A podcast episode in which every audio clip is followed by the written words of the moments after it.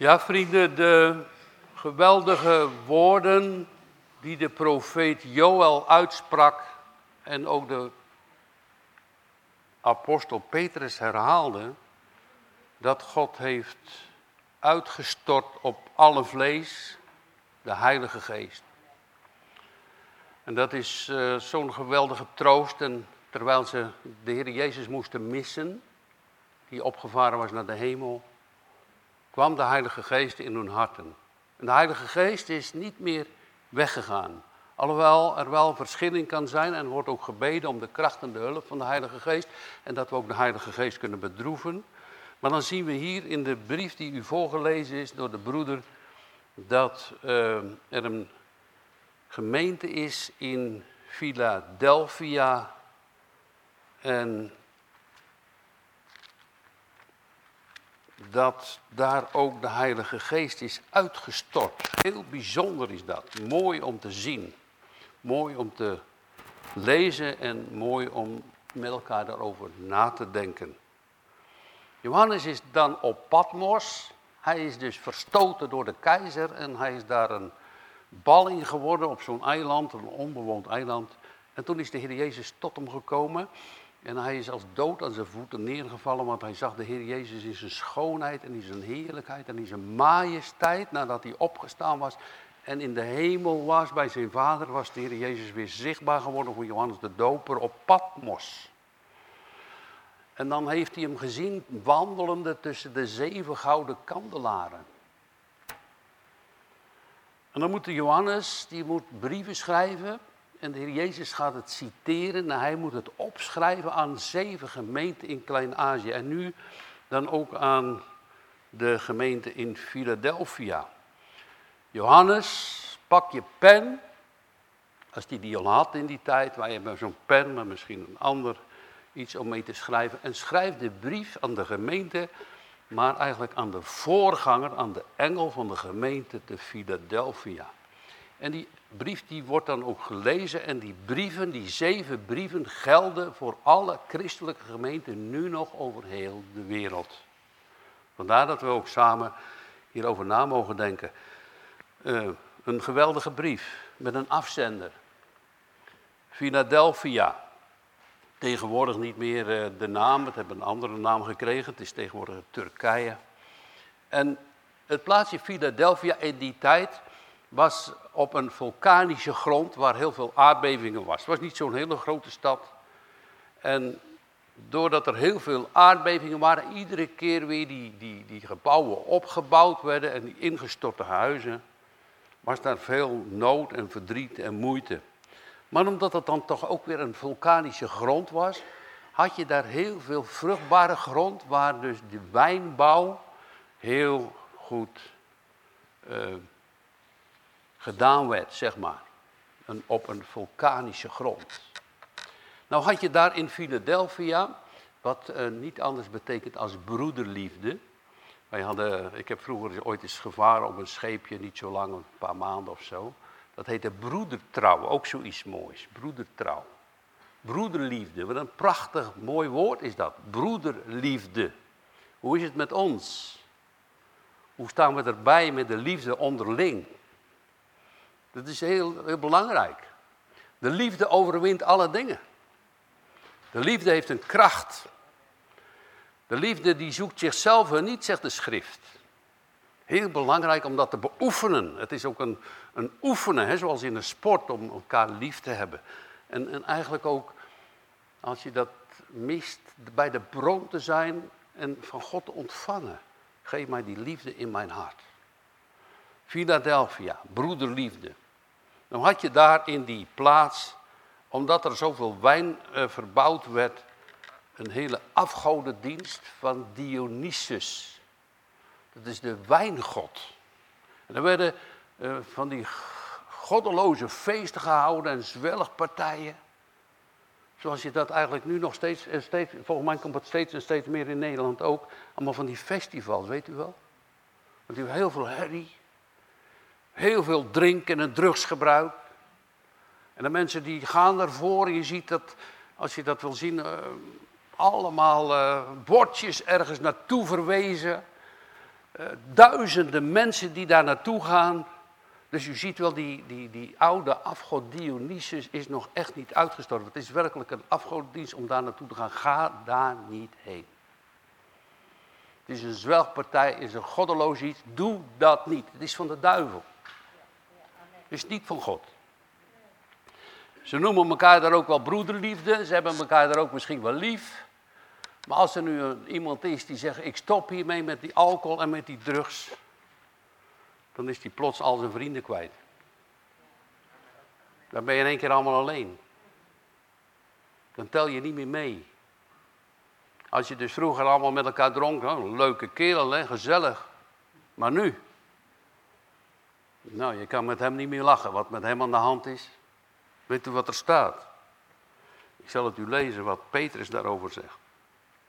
In de 1 Petrus. Uh,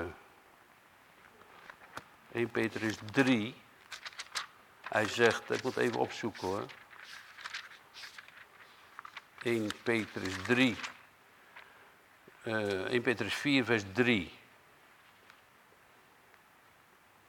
Hij zegt, Petrus spreekt daar en dat, ik denk dat dat ook gegeld heeft voor de mensen in Philadelphia, want wij hebben de voorgaande tijd van ons leven lang genoeg de wil van de heidenen gedaan en gewandeld in uitingen van losbandigheid, begeerte, dronkenschap, zwelgpartijen, drinkgelagen en allerlei walgelijke afgoderij. Daarbij bevreemdt het hun, dus de mensen die dat nog steeds doen, en jij zegt ik stop daarmee, dat u niet meer meeloopt in diezelfde uitbarsting van losbandigheid. En ze lasteren u. Nou, ik denk dat onder ons zijn zeker broeders en jongens die dat herkennen. En eh, nou is het zo geweldig mooi als je dat ook al ervaren hebt. En die moeite en die zorgen, dat je dus uitgeschakeld bent van al die vrienden. Ik hoorde net van een paar broeders die wel 70 vrienden kwijtgeraakt. Nou waren dat vrienden en de andere is wel 25 vrienden kwijtgeraakt. Maar nu stelt zich de Heer Jezus in zijn afzender, als Johannes die brief moet schrijven, stelt zich op en hij noemt als afzender, dit zegt de heilige. Die stelt zich nu op tegen die Dionysus afgod. En als u daar dan niet meer meeloopt en u en dan met al die dingen niet meer meedoet, dat u dan een beetje zielig en arme mensen gevoeld wordt, zegt God, ik ben de heilige. Ik stel me tegenover die machten. Ik ben de schepper van de hemel en van de aarde. Ik ben met u. Dat blijkt wel uit die brief. U bent niet meer alleen. Weet je wat ook zo bijzonder is? Dat doet God echt. Mag je ook om bidden? Hij geeft het ook. Als je zoveel vrienden kwijtgeraakt bent in de wereld, van afgodendienst en weet ik wat allemaal nog niet meer. Geef God wel andere vrienden hoor. Dat zijn geestelijke vrienden. En die geestelijke vrienden, die hebben we echt met elkaar zo hard nodig. Want hij zegt hier in deze brief ook, behoud wat gij hebt, want er komt een tijd van grote verzoeking. Een grote verzoeking komt over de wereld. En dan moeten we elkaar vasthouden. En dan hebben we het goede doel. En dat betekent niet als je broederlijke liefde hebt, dat je dan die vroegere vrienden, nou, dat sta je natuurlijk mijlen verboven. Hè? Nee, je weet waar je vandaan komt. Je bidt voor hen. Je vraagt of ze terugkomen tot God. Want je hebt gezien, zoals we ook gezongen hebben, je ogen zijn geopend geworden. Je hart is geopend geworden door de Heilige. Dat is hier echt gebeurd met de gemeente in Philadelphia. Dus de Heer zegt dat dit zegt de heilige. Met al die goddeloze feesten van Dionysus en al die machten die daar waren en dat zielige groepje mensen zeggen, ja maar ik ben met u, zegt de Heer Jezus, want ik ben de heilige. Ik stel me tegenover al die goddeloze dingen. Nou had je daar ook in Philadelphia een afgoderij van een keizercultus Tiberias. Dat was een tempel ook. En die Tiberias die wordt ge, gekenmerkt als een onwaarachtige, leugenachtige keizer. Hij zei wat en dat deed het nooit. En hij loog ook heel makkelijk. En nu zegt de Jezus daar tegenover als afzender, ik ben de waarachtige. Waarheid. Hij zegt, Jezus zegt van zichzelf, ik ben de waarheid en het leven. Betekent ook echt dat, ja, eh, dat hebben ze gevraagd, hè? Pilatus, eh, ik dacht ook eh, die farao, wat is waarheid? Hij is echt de waarheid. Als je, als je hem mag kennen of, en beter mag leren kennen als de waarheid, hou dat dan vast als je naar Cambodja afreist. Dit is, wat ze ook maar zeggen, dit is de waarheid van God. Dat heeft God door de Heilige Geest in ons hart gelegd. Dat Jezus Christus, de Zoon van God, is naar deze wereld gekomen is om ons zalig te maken. De enige weg tot de Vader, als we het dan over Vader dan hebben, dat is onze Vader. Dat is onze hemelse Vader. Waar de Heer Jezus geleden, gestorven, alles volbracht heeft. Gezegd, de schriften vervuld. En dan zegt hij daarbij, als afzender, hebt hij dus gezegd, ik ben de heilige. Schrijf een brief aan de gemeente de Philadelphia, de broederliefde. Dit zegt, eh, Johannes schrijf het op, dit zegt afzender, de heilige, de waarachtige. En die de sleutel van David heeft. Nou, dat kunt u dan vinden in Jezaja 22. Daar wordt dan gezegd van de schatten van de koning David. En daar had je dus een soort ambassadeur voor die die schatten bewaarde. Zo'n minister van Financiën zou je kunnen zeggen in onze tijd. En die schatten die werden dan door een Sepna bewaard, maar die man viel in ongenade door verkeerde en goddeloze dingen. Hij wordt een schandvlek genoemd. En toen is die, dat ambt van die Sepna overgedragen op een ander persoon en die heet Eljakim. Als het een grote sleutel op zijn schouder werd hij aangesteld om alle schatten te bewaren. Ik moet zich voorstellen dat David heel veel schatten heeft verzameld voor Gods tempel die Salomo bouwde. Daar moet natuurlijk goed mee omgegaan worden. Daar moet secuur mee omgegaan worden.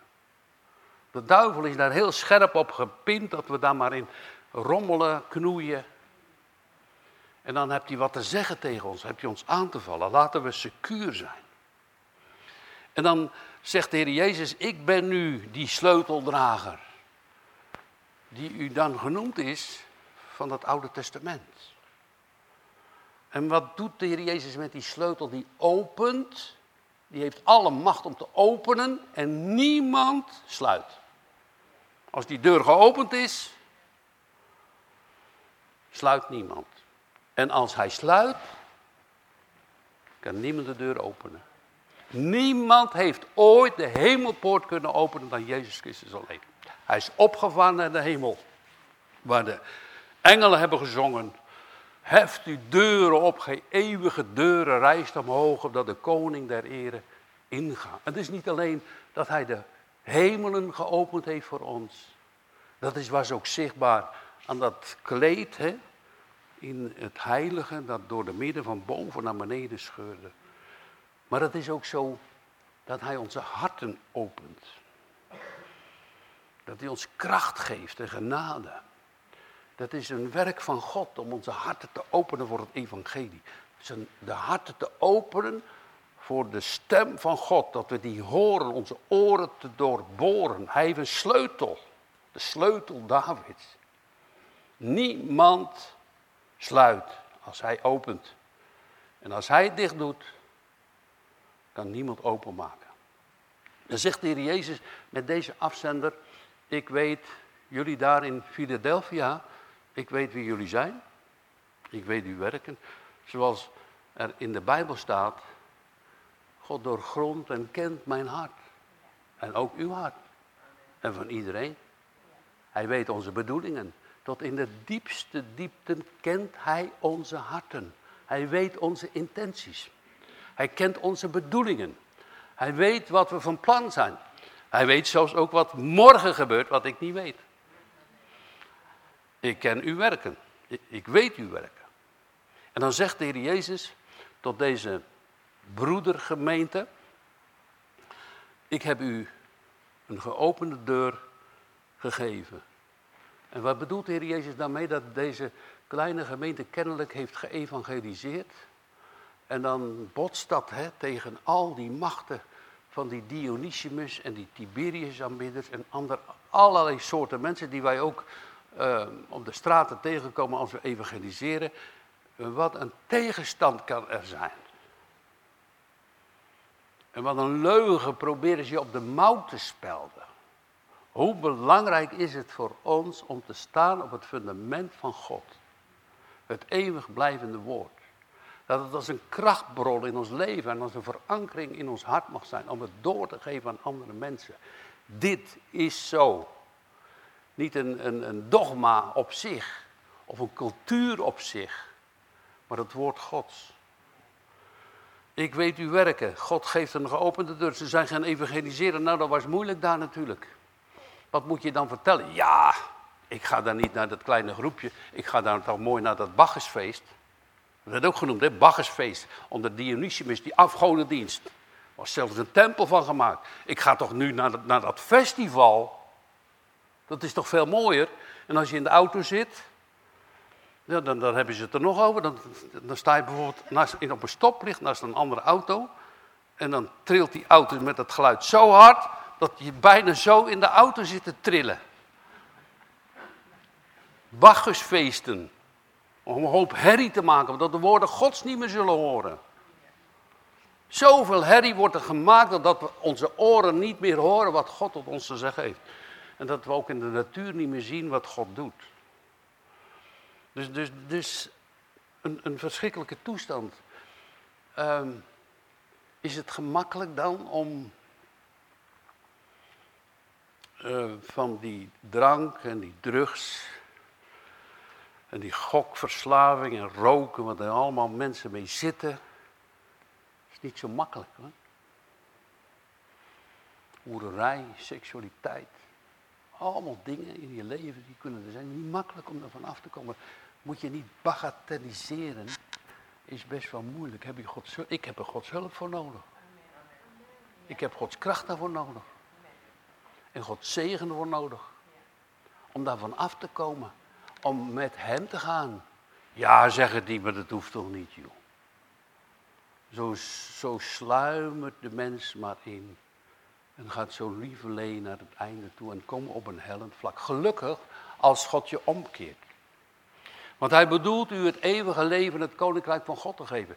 Wees, en, en dat is het juist wat God zegt, ik ben die heilige en die veracht. Ik sta achter jullie. Al, al verachten ze jullie, al vinden jullie ze jullie waardeloos, al vinden ze jullie zielig. Wat is dat voor een groepje mensen daar? Nou, dat is onder ons echt, echt ook, ook gebeurd, hè? Dat gebeurt zomaar met mensen. Dat gebeurt zomaar in, in, in dit gebied ook. Dan uh, ben ik er voor jou. Want ik geef jullie een geopende deur, dat is een heel groot cadeau. Nou, als, je, als je een vaderdag cadeautje wil hebben, vraag dan om een geopende deur. Voor je hart en voor de ander. Dat jouw gebeden aankomen, dat jouw woorden kracht doen in een andermans leven. Dat je mag vertellen van die grote heerlijke Heer Jezus Christus. We stonden afgelopen eh, donderdag in Antwerpen, hadden we mooie gesprekken. Het was ook heel mooi, we hadden werkelijk een geopende deur. Maar er was ook tegenstand, zeg. Het was een verschrikkelijke tegenstand. Mensen kwamen met hele mooie verhalen. Verschillende mensen wel. En achteraf bleek het Jehovah-getuigen te zijn. En probeerden ons helemaal van ons stuk te brengen en van de waarheid af. Als Jezus geen God is, dan preek ik nooit meer. Kom ik nooit meer hier. Deel ik geen Bijbel meer uit. Hij is God. Hij is onze God. Wij, ik heb het u de vorige keer gezegd. Uh, ik ga het nog een keer herhalen. Ik vind het een heel belangrijk punt. Wat Rijl ooit zei. Hè? Op een commentaar over de brief van Johannes uit Johannes 4. Hij zei daar. Als mensen God aanbidden. Dan denken ze soms. Oh. Uh, als ik tot de Heer Jezus bid, dan doe ik God tekort. Nee, als wij uh, in de naam van de Heer Jezus bidden, of de Heer Jezus aanbidden, dat is wel behagelijk voor de Vader. Maar, zegt hij, als je nu God aanbidt, moet u goed luisteren, dat is echt zo. Ik, ik geloof het ook echt. Als je God aanbidt met uitsluiting van Jezus Christus, of verachting van Jezus Christus, hij zegt dat is afgoderij. Dat is afgoderij, want dat is een drie-enige God. Vader, Zoon en Heilige Geest. Ik heb het u de vorige keer gezegd, belangrijk ook in deze tekst. Want dat was ook aan de hand later met wat hier staat van de synagoge van Satan. Ik weet uw werken. En toen hebben we dat ook gezegd tegen die man. En hij begon bij mijn uh, predikantbroeder, die daar ook stond, begon die ook uh, alweer. En ik klopte hem op de schouder. Ik zeg, dit is een afgoderij, die man moet zich bekeren. Dit, is, dit klopt niet. We gaan weg. We laten ons niet ophouden. Het zijn ophouders op de weg. De duivel is heel listig. Hij wil je dus met, oh, dan, dan, vind je dat wel aardig. En, en, mijn vriend eigenlijk ook wel. Dan heb je een gesprek met iemand. Blijkt achteraf allemaal verleiding te zijn. Ik zeg, stop ermee. Allerlei andere mensen lopen voorbij die wel een Bijbel of een boekje aan kunnen pakken. En je mist dan gewoon andere personen. Zie je dus, dat, dat is, dat, dan zie je ook echt, echt in de praktijk de list van de duivel. En hoeveel worden niet op dat verkeerde spoor gezet. Dus je had daar in Philadelphia die afgodendienst. En die zwelgerij. En die keizercultus. Maar dan was er ook nog een groep joden. Een synagoge gebouwd. En er was ook een kleine christelijke gemeente. En die worden een broederliefde genoemd, Philadelphia gemeente. Geweldig. Jezus zegt, ik weet uw werken. Zie, ik heb u een geopende deuren gegeven. Niemand kan die sluiten. Dus het is Gods werk. Als het aan ons lag en aan onze inzettingen, ook in het evangeliseren, nou ik zeg het eerlijk hoor, er komt niks van terecht. Er gebeurt helemaal niks. Maar goed en genadig dat God erbij is met zijn genade, met zijn kracht, met zijn liefde, met zijn grote werken, die zijn ogen doorzoeken en doorlopen de ganse aarde. En hij roept zijn kinderen bijeen. En als je daarvoor gebruikt mag worden om maar iets te doen in het koninkrijk van God, dan zal hij het ook zegenen. Hij geeft een geopend, dus niemand zal het kunnen sluiten. Want gij hebt kleine kracht. Ja, nou ja, dat, sommigen hebben gezegd dat is een kleine gemeente, dus er zijn maar een paar mensen. Dat is, zeker, dat was ook zo. Maar ik wil dat ook, die kleine kracht ook wel op een andere manier noemen. Dat, dat je jezelf wel eens zo zwak en klein en, en, en verloren kan voelen. Kleine kracht. God weet het. Laat het ook aan hem zien. Heer, heb u dat nooit eens? Dat je zegt, Heer, ik, ik ben maar een mens hoor. Ik ben maar een mens uit Adam. Heb u dat niet? Ik ben maar een gewoon mens, Heer. Ik heb kleine kracht. Weet je wat Paulus zegt? Als ik zwak ben, dan ben ik sterk. Dus dan komt er iets anders in jouw leven. Krijg je een andere kracht, een andere genade, een ander woord, een andere power. De kracht van Gods geest die je dan nodig hebt. Heer, ik ben zo zwak. Eh, als, als, als zij vervuld waren, hè, werden met de Heilige Geest. Dat kwam omdat ze zo leeg waren, omdat Jezus weg was. En toen kwam die vervulling van de Heilige Geest. Die, die leegte, hè, die vult God op als we aan de troon van Gods genade zijn. En roepen en vragen om zijn hulp en om zijn kracht en om zijn liefde. Hij geeft die genade. Hij werkt dat uit. In, in mens doet hij nog steeds. En hij zegt, gij hebt maar een kleine kracht. En gij hebt mijn woord bewaard en hebt mijn naam niet verlogend. En Gods woord bewaren, dat is eigenlijk niet anders als horen, woord Gods horen en gehoorzamen. Luisteren en ook doen. Jezus zegt, die mijn woorden hoort en dezelfde doet. Dat is het bewaren. Dat is ook het onthouden. Dat is ook het weten en kennis, gegrond op de schrift. Het gaat niet zonder kennis. Maar het gaat ook om het geloof. En, en o heren, als we dan zo voor nadenken, hebben wij Gods woord zo bewaard? Is het niet vaak ook dat het uh, geweest is dat we ook hem verloochend hebben of zo?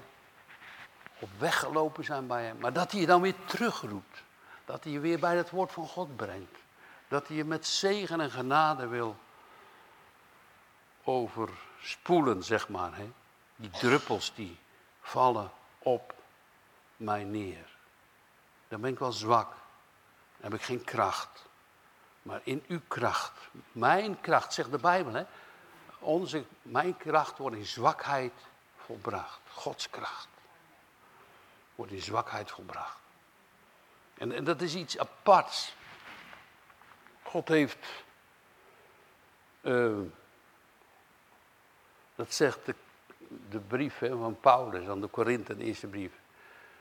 Uh, niet vele wijzen, niet vele edelen, niet vele rijken, maar het onedele en het verachten van deze wereld, dat het geen niets is, heeft God uitverkoren. God kiest heel anders dan wij hoor. Kijk, en uh, dan bij die keizercultus en die Bacchusfeesten en die Dionysus en al die mensen met de grote namen en grote woorden en grote daden en misschien met een grote rijkdom onderling. Die gaat Jezus voorbij. Hij kan zijn woorden daaraan niet kwijt. Maar hij kan ze kwijt aan die mensen, misschien ook juist door die, door die, uh, door, door die vele aardbevingen en de ellende waarin ze mee zaten zijn ze tot God gaan roepen. Misschien hebben ze vroeger ook wel meegedaan met die zuiperij. En God heeft ze eruit gehaald. Wat mooi is dat. Laten we ons. Als, stel je voor dat je dat nou nooit gedaan hebt. Hè? Dat je denkt, ja, ik ben een heel net mens, weet je. Moet je ook bekeerd worden hoor. Niet zo goed. Ja, als je net mens bent, moet je ook bekeerd worden. Dat gaat niet vanzelf. Soms heeft God nog veel meer moeite met die nette mensen. Maar die wilden zeggen nog veel beter als die anderen soms. Maar je moet ook tot God bekeerd worden hoor. Om in hem te geloven en zijn naam te kennen voor jouw leven. En, en, en, en ook te zien dat als hij daar niet hing, je zelf al jouw zonden, jouw gedachten, je woorden, je werk en je afkomst zelf moet oplossen. En dat kan niet. Dat kan niet. Dat doet hij. Dat is onze koning. Ja, en gij hebt mijn woord bewaard. En gij hebt mijn naam niet verlogend. Prachtige woorden hè, voor deze Philadelphia gemeente. Prachtige woorden, wat een, een mooie gemeente. De Heer Jezus heeft deze gemeente lief, dat kan niet anders. Hij spreekt alleen maar positieve woorden over deze mensen. In al die verdrukking die ze hadden, dan was het nog niet alleen die baggers, dan was het nog alleen niet die, die, die, die, die leugenaar van de Tiberias. Maar dan staat er ook nog dat er een synagoge was, Joodse mensen. En ik geef u enige uit de synagoge van de Satan. Van hen die zeggen dat ze Joden zijn. Maar ze zijn het niet, ze liegen. Nou, dus dan, dan hebben ze gesprekken hè, met, met, met, zoals wij dat op de straat ook uh, ervaren. Hè. Dan heb je daar van allerlei mensen, dit is daar het Joodse volk, die hebben een godsdienst. Die zeiden, wij zijn kinderen van Abraham. Wij hebben het Oude Testament. Wij zijn de Hebreeën. Wij horen bij God. En wij zijn de mensen die naar de hemel gaan. En God heeft ons uitverkoren. Maar zonder Jezus. Het ging zonder Jezus. En dat noemt Jezus de synagoge van Satan. Zonder Jezus. Het Oude Testament hadden ze wel. En ze dienden God wel. En hoeveel mensen zij, zitten er niet in de kerkbanken die menen dat ze Gods kinderen zijn en ze zijn het niet. Komt heel veel voor. Niet iedereen die zegt Heere, Heere zal ingaan in het Koninkrijk der Hemelen, maar die daar doet de wil van God. Nou, dat is nog een hele opgave toch? Hoe moeten wij dat zelf doen? Hoe zit het met mijn hart en met uw hart? Om voortdurend bij Hem aan de deur te zijn. Kijk, als je heel de schrift gaat onderzoeken, dan wordt het eigenlijk, zoals Jezus dat ook zegt, toch een hele enge poort. Hè? En breed is de weg die naar het verderf gaat. Dus ook in de godsdienst kan je zo fout zitten. Ik, ik, ik ja, maar goed, wat, moet ik er allemaal zeggen? Terwijl we ook maar zelf mensen zijn, schiet ik er wat mee op om al die dingen te noemen. Die enkele van ons wel weten. Hoe dat allemaal zit. Wat ze allemaal doen. En hoe ze eigenlijk. Er ik, ik wil één voorbeeld geven. Uh, bijvoorbeeld, stel dit is het evangelie. Ik geef het aan broeder Arend. Wil je dit eens even aanpakken? Ja, maar dat gaat zomaar niet. Zeven is je haarkammer, toch? Dat vorige keer misschien al gezegd, maar ja, zo hè. Dat, dat, dat, dat doet God niet. Zo is God niet. Zo is de Heer niet. Het is een, hij meent het echt. Hij roept ons. Hij geeft ons ook die genade en die trouw. Laten we ook op al die foute dingen ons maar niet te veel afzetten of dat wij het dan wel goed hebben. Maar laten we vragen of dat we de goede weg gaan en die mensen ook maar niet verachten, maar bidden. En, en eigenlijk wat hier staat is mooi hè. Dus, dus, dus waar dat nou helemaal fout zat, ze hadden een godsdienst zonder Jezus. Ze dachten zomaar te gaan hemelen, zoals ze dat soms hier in Brabant zeggen.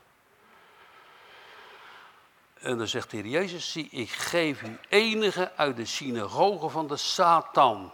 Die horen dus bij de duivel. Degene die zeggen dat ze Joden zijn, ze zijn het niet, maar ze liegen. Het is helemaal niet waar. Of ze dat nu bewust gedaan hebben, dat liegen, dat kan ook nog. Maar soms ook wel onbewust. Jullie, zegt Petrus op de uitspraak op de Pinksterdag, jullie hebben dat in onwetendheid gedaan. Kan, hè? Kan zeker. Dat weten wij eigenlijk allemaal, hè? Wij weten ook nog zo weinig. Ik zal maken mensen uit de Philadelphia gemeente. Als je daar dan die Joden had, waar je dus dan die strijd mee had over de godsdienstzaken. En als jullie dan het evangelie aan hen verkondigd hadden op de straten en, en aan de huizen misschien. Of misschien wel in hun huis. Ik zal maken dat ze zullen komen en aanbidden voor uw voeten en bekennen dat ik u lief heb. Nou, dan komen ze aan. Enige. Die knielen neer. Die, die, die gaan vragen, oh God, wat hebben u dat, dat met, met die mensen daarin, dat zijn toch heidenen? Die Philadelphia gemeente, kijk eens wat een liefde. Kijk eens wat een genade die mensen. Eh, wil, wil u dat alsjeblieft ook aan mij geven? Zo is het gegaan. Dat staat hier. Wil u dat alsjeblieft ook aan mij geven? Ze zijn God gaan aanroepen. Ze, ze hebben dus, uh, ze zijn gaan aanbidden voor uw voeten bekennen dat ik de liefde in uw hart heb uitgestort. Dat is een grote cadeau van God. En die geopende deur geef ik, dat die mensen zullen komen. Nou, uh, wij zijn ook nog maar zo'n kleine groep mensen. Bidt u, bidt u ook dat we een geopende deur van God mogen ontvangen? En, en maak het u dan uit wie er komen? Nou, mij niet hoor. Mij niet. U wel? Ze zeggen, nou, als ik dan hier op die stoel zit en uh, als hij naast me zit, uh, dan hoop ik niet dat u dat doet. Mij maakt het niet uit wie komt. Toch? Als God ze stuurt. Zijn mensen met een hart en een ziel. Hè? Dat ze tot geloof komen. Dat ze gered worden door Jezus Christus. Daar bent u een getuige voor. Dat u bidt voor een geopende deur. Dat we bidden voor u de Vechel, Zeeland waar we vandaan komen. Of Ede, of welke plaats u maar komt. En God aanroepen. Alsjeblieft, heren, gedenk en hoor. Geef ons een geopende deur. Dat vele, of, of, nou dat heb ooit wel eens iemand gezegd natuurlijk. Of, of zou je zeggen, nou ja, als ik het maar heb. Maar iemand die genade van God ontvangen heeft, die wil niet alleen naar de hemel. Die heeft zoveel genade en liefde bij God gezien. En heeft zoveel, eigenlijk die wonder ook gezien. dat je dan zo 75 vrienden kwijt kan raken. Dat je 25 vrienden kwijt kan raken. Dat je dus veracht wordt in de wereld. En zegt, nou, ik weet het niet met hem hoor. Uh, vroeger kon je ermee, maar het is tegenwoordig niks meer aan met die man. Maar, maar dat hij dan andere vrienden geeft. Vrienden, geestelijke vrienden. Dat je van elkaar mag houden. Ik hoop dat we daarin nog meer groeien in onze gemeente. Dat we dan zeggen, we zijn een Philadelphia. Dat zou een mooie naam zijn, hè? Philadelphia, een broederliefde gemeente. Dat geldt natuurlijk ook voor zusters, toch? Tuurlijk, ja, ja, ja. Ja. Hij zegt, omdat gij het woord mijn leidzaamheid bewaard hebt. Dan zal ik u ook bewaren uit de uren der verzoeking die over de hele wereld komen zal, om te verzoeken die op de aarde wonen. Nou, ik zit met Anneke nog uh, vanmorgen in de auto. Als je al die uh, die, die, die, die, die politieke zaken en al die dingen die er gebeuren in de wereld zomaar een beetje over je heen laat komen. En dan denk je, jongen, jongen. Maar er zit een plan achter bij God, hè? Hij heeft gezegd hier dat er de verzoeking over de heen, dat zegt Jezus, hè? Dat heb je op verschillende andere plekken ook gezegd in de evangelie. Dat er een tijd zal komen die nog nooit geweest is in deze wereld. En in die verzoeking zegt hij, als je bij mij hoort, zal ik je bewaren. Wat is dat bewaren? Dat is ook beschermen, toch? Ik zal je thuis brengen. Ik geef je het eeuwige leven. Hij zegt ook wel, en ja, je zegt, nou, klopt het helemaal aan bewaren? Er zijn toch ook martelaren, hoeveel niet, en steeds meer. Ja, nou, hij bewaart, uw ziel zal hij bewaren. Ook al moet je martelaar worden. En dan zegt hij eigenlijk dit. Het is maar een verdrukking van tien dagen. Het lijkt voor ons heel lang, maar voor God is het heel kort. En, en met zijn hand en met zijn kracht, dan, ik, heb u dat misschien wel eens gelezen of gezien, het is een martelarenboek. Er was een, een, een, een, een oude prediker, een Polycarpus. En die werd, die moest dus zijn God afzweren, want anders zou die geroosterd worden, net als op een barbecue. Over de 80 jaar was die man en zei, ik heb 80 jaar de Heer gediend, zou ik dan nu op het laatste moment mijn God verloochenen? Hij zei, dat doe ik niet. Nou zeggen ze, dan ga je op de barbecue. En toen lag hij daar met zijn ene zij. Toen vroegen ze, ben je het nou nog niet zat? Hij zegt, keer maar nog maar eens om. Wat een genade, hè? Wat een genade kan God geven in die tijden. Wees niet bezorgd. Want, want ik heb het ooit wel eens gezegd, het klinkt misschien brutaal, hè? Als je bij de Heer Jezus mag horen, dan is uw probleem zijn zorg. is uw probleem zijn probleem. Dat is, want hij heeft je toch gekocht met zijn bloed. Hij heeft toch gezegd, je bent voor mij. Dan zorgt hij toch ook voor je. De duivel ons steeds maar in die woelingen van deze wereld heen en weer wil slingeren. Geef ons toch een vaster rust, de vertrouwen van leidzaamheid. Jullie hebben het woord mijn leidzaamheid bewaard. Dan zal ik jullie bewaren in, de, in het uren van de verzoeking. Die komt over heel de wereld. Nou, als je dat alleen aan moet. Zonder God. Die uren van verzoek. Nou, dan ga je met de hele boel mee. Wat dacht u? Als die tijden van verzoeking, hoe lang zou dat nog zijn? Dat, dat weten we niet. Hè? Misschien, ik, ik weet het ook niet. Ik ga er zeker geen woorden over zeggen. Sommigen hebben dat gedaan, want ik, ik ga dat zeker niet doen. God zal het uh, zeker weten.